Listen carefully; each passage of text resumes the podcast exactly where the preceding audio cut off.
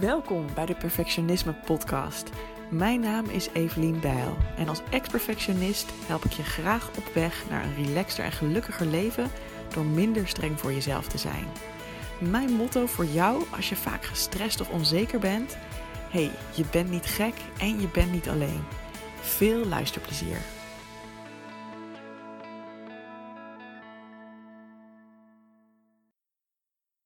Hey, wat leuk dat je weer luistert naar een nieuwe aflevering van de Perfectionisme Podcast. Mijn naam is Evelien Bijl en ik ben de Perfectionisme Coach. En als jij licht geïntrigeerd bent door spiritualiteit, of juist als jij een ontzettende allergie hebt op dat woord, dan is deze aflevering helemaal voor jou. Ik heb vandaag voor het eerst ga ik dus het over dit thema hebben. En ik zal je eerlijk vertellen, dit is de derde keer dat ik de intro opneem. of de derde keer dat ik opnieuw begin. Want elke keer voel ik een soort van. Eh, komt het er niet helemaal lekker uit. Maar deze keer ga ik gewoon lekker verder. Want ik heb heel lang het er niet over gehad, omdat ik. Ja, ik heb, er, ik heb er absoluut een mening over. Ik heb er absoluut een visie op.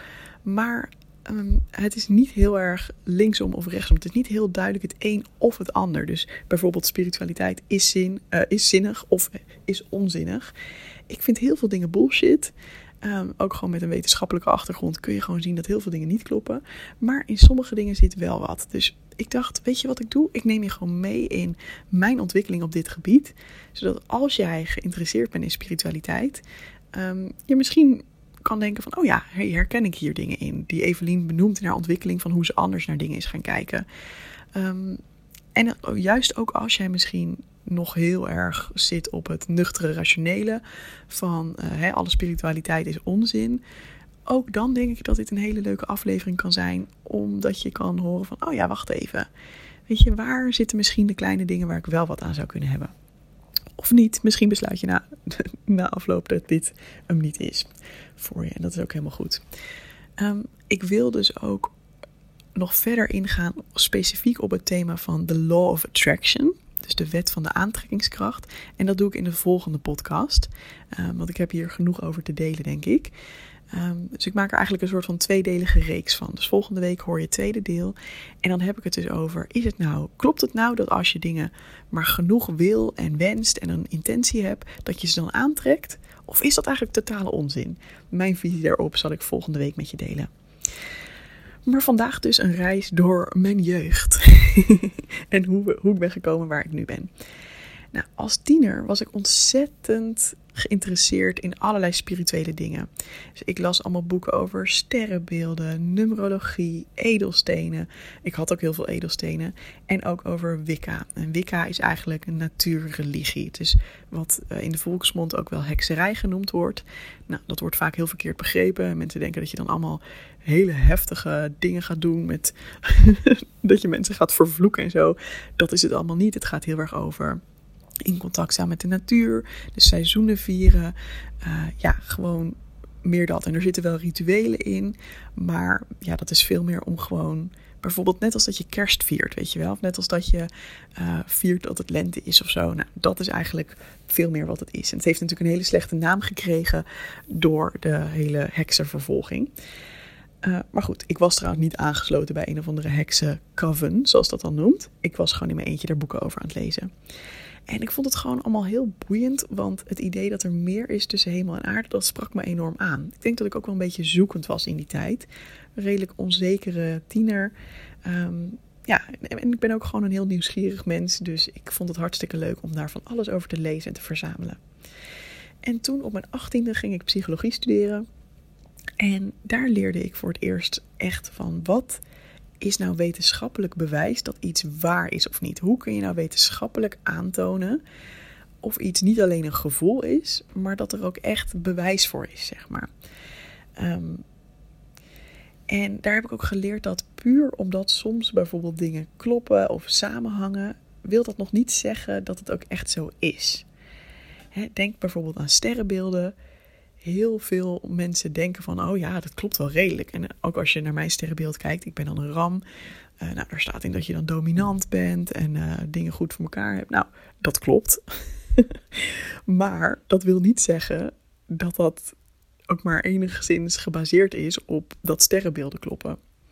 want uiteindelijk, er is ook, er zijn ook gewoon metingen gedaan van hangen, hangt iemand sterrenbeeld samen met zijn persoonlijkheid. Hè? Want je kan gewoon persoonlijkheden meten met een instrument dat de Big Five heet. Ik zal je niet al te veel mee vermoeien, maar dat is gewoon een hele goede persoonlijkheidstest die ook heel goed, weet je wel, laat zien dat je uh, jaar in jaar uit, dat daar gewoon niet zo heel veel variatie in zit.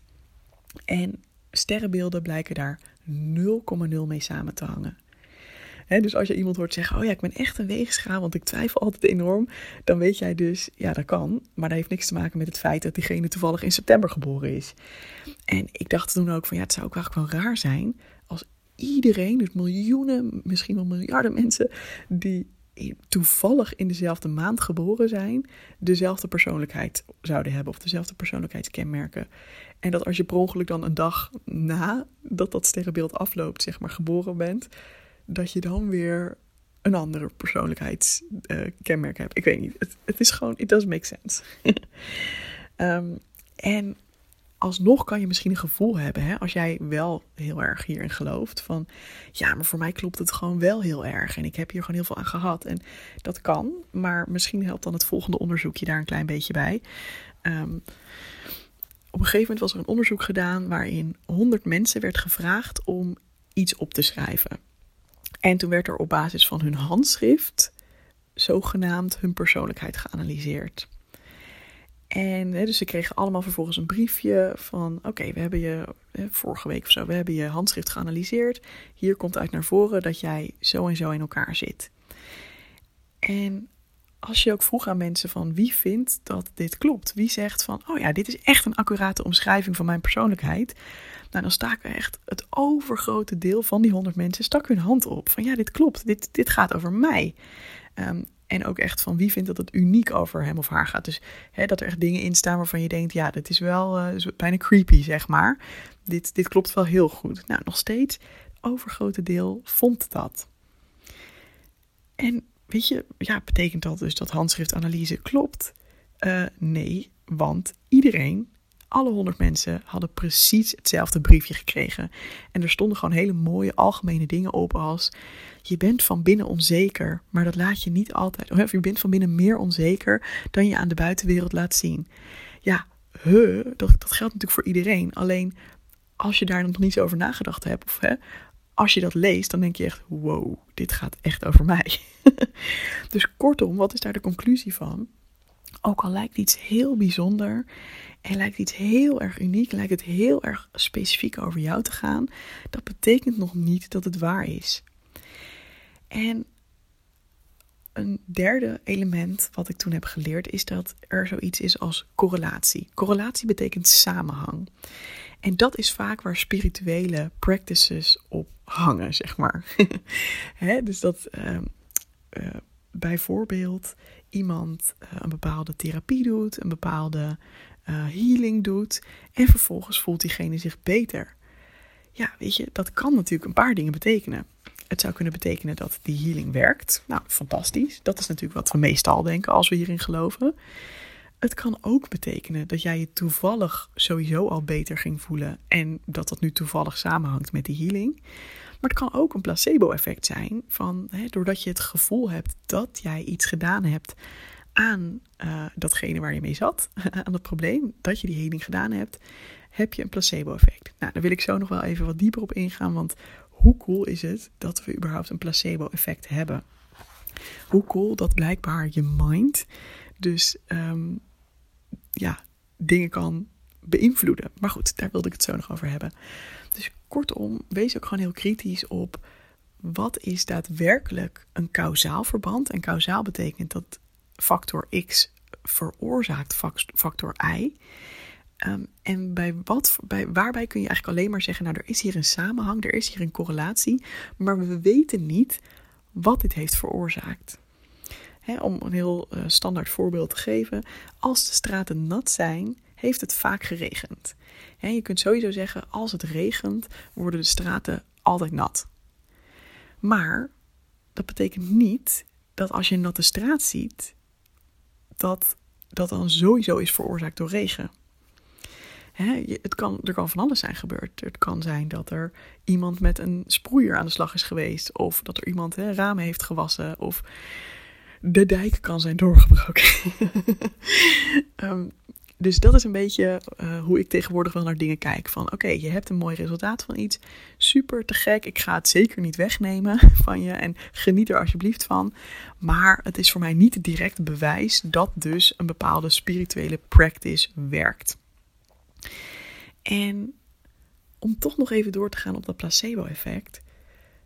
Het is natuurlijk alsnog gewoon heel bijzonder dat. Want dat, ook dat is onderzocht. Dat als je mensen um, bijvoorbeeld, stel mensen met een angststoornis of mensen met depressie of wat dan ook, uh, ja, wat voor klacht dan ook maar. Als je die mensen geen behandeling geeft en een vergelijkbare controlegroep, of dit is dan de controlegroep, en als je een vergelijkbare groep een placebo geeft, dus bijvoorbeeld een neppilletje of een behandeling die eigenlijk helemaal niet is aangetoond dat die net zoveel effect heeft als een echte behandeling, om het maar zo te noemen dan nog zul je zien dat in de placebo-groep meer mensen zich beter voelen na, dat, na die placebo-behandeling of na die placebo-pil dan mensen in de controlegroep die geen behandeling hebben gekregen. En hoe bijzonder is dat? Ik bedoel, we kunnen dan ergens zeggen van, oh, het is maar het placebo-effect. Aan de andere kant, hoe fucking tof dat jij dus met je eigen mind, met je eigen gedachten, invloed hebt op hoe jouw lijf zich voelt. Invloed hebt op hoe het in jouw leven gaat. Dat vind ik eigenlijk misschien nog wel cooler. Uh, cooler dan zeggen van, oh ja, placebo-effect is dus bullshit. En uh, weet je wel, je hebt er dus geen zak aan. En dit vond ik ook heel erg tof in um, van die specials van, hoe heet die gast? Derek? Oh man, ik kom er even niet op. Maar uh, op Netflix is zo'n zo'n illusionist, zeg maar. Een, een um, ja, iemand, een, een mind. Hoe noem je zo iemand? die van die mind trucs doet. Hij komt uit Engeland. En ik heb het allemaal zitten kijken een eh, paar maanden geleden. Nou, ik wil steeds zeggen Derek Ogilvie, maar dat is het absoluut niet. Want wat ik zo tof vind aan deze persoon, Derek, Darren Brown, Darren Brown, zo heet hij. Wat ik zo tof vind aan hem is dat hij ook laat zien hoe dit werkt. Dus hij is super goed in mensen op een bepaalde manier manipuleren of beïnvloeden. Hij, hij doet ook zo'n experiment. Volgens mij heb ik dat op YouTube gezien. Dat hij dan ook inderdaad allerlei mensen um, zogenaamd helpt met een bepaald soort behandeling of iets dergelijks. En dat blijkt uiteindelijk niet, niet te kloppen. Maar hij vertelt ze dat ook. Hij is daar ook heel eerlijk over. En dan zegt hij: Kijk eens wat jij zelf gedaan hebt met jouw eigen geest. Je dacht dat het kwam door onze superbehandeling. Maar het kwam dus door jouw eigen inzet. En dat vind ik gewoon heel erg cool. En dit is gewoon iets, weet je, dit is waar ik uiteindelijk ook op uitkom als het gaat om spiritualiteit. Ik sta heel erg open voor dingen. Want ik zie ook dat er meer is dan alleen het rationele, absoluut. Maar ik ben wel ook heel kritisch. Ik ben ook kritisch op, hey, degene die mij dit nu vertelt, heeft diegene misschien een ander belang erbij? als iemand jou iets wil verkopen, dan heeft diegene misschien een ander belang erbij om jou te vertellen hoe het allemaal zit. En er allerlei spirituele dingen bij te claimen, um, dan hoe het zit, dan hoe het echt is. En ik denk ook eigenlijk dat heel vaak het niet eens zozeer is dat mensen dit doelbewust slecht doen, doelbewust jou om de tuin proberen te leiden. Ik denk dat zij daadwerkelijk zelf geloven dat hun spirituele dingen helpen. En weet je, dan werkt het ook voor een deel. Want dan, dan gaat natuurlijk ook dat placebo-effect in. Maar ik probeer zelf, dus ik probeer zelf wel dingen op te zoeken van, oh, ik ga eens wat proberen. Bijvoorbeeld een keer, ik heb een aantal keer een soort van energy uh, sessies gehad met een soort van coach die dan in jouw energieveld gaat zitten en dan ook gaat kijken naar mensen om je heen en hoe je daarmee, uh, hoe, dat, hoe dat zit, zeg maar, qua energieën. Nou, weet je, voor mij deed het wel wat, want elke keer dat we, uh, dat we zo'n gesprek hadden, moest ik heel hard huilen. uh, als zij dan bepaalde dingen zei, dan dacht ik, nou, alleen al daarom vind ik het dus de moeite waard. En daarbij denk ik, weet je, daarbij denk ik, ja, ik weet niet precies of dat echt waar is dat zij in mijn energie gaat zitten of incheckt. Ik weet niet of dat echt klopt. Maar het maakt me eigenlijk ook niet zoveel uit. Want ik heb er wel wat aan. Dus ik kies er dan heel bewust voor van ik probeer dit gewoon uit. Um, dat. En waarom ben ik niet zo keihard meer dat ik vasthoud aan het rationele? Dat is omdat ik op een gegeven moment merkte, na vier jaar psychologiestudie, dat ik eigenlijk helemaal de andere kant op gebrainwashed was. Dat ik helemaal dacht, als het niet rationeel te meten is, als er geen wetenschappelijk bewijs is, dan is het dus per definitie bullshit en dan kun je er niks mee.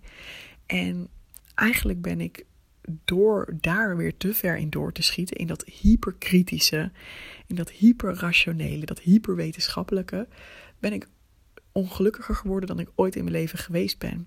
Want nadat ik hier was afgestudeerd, tijdens mijn studie ging het nog best oké.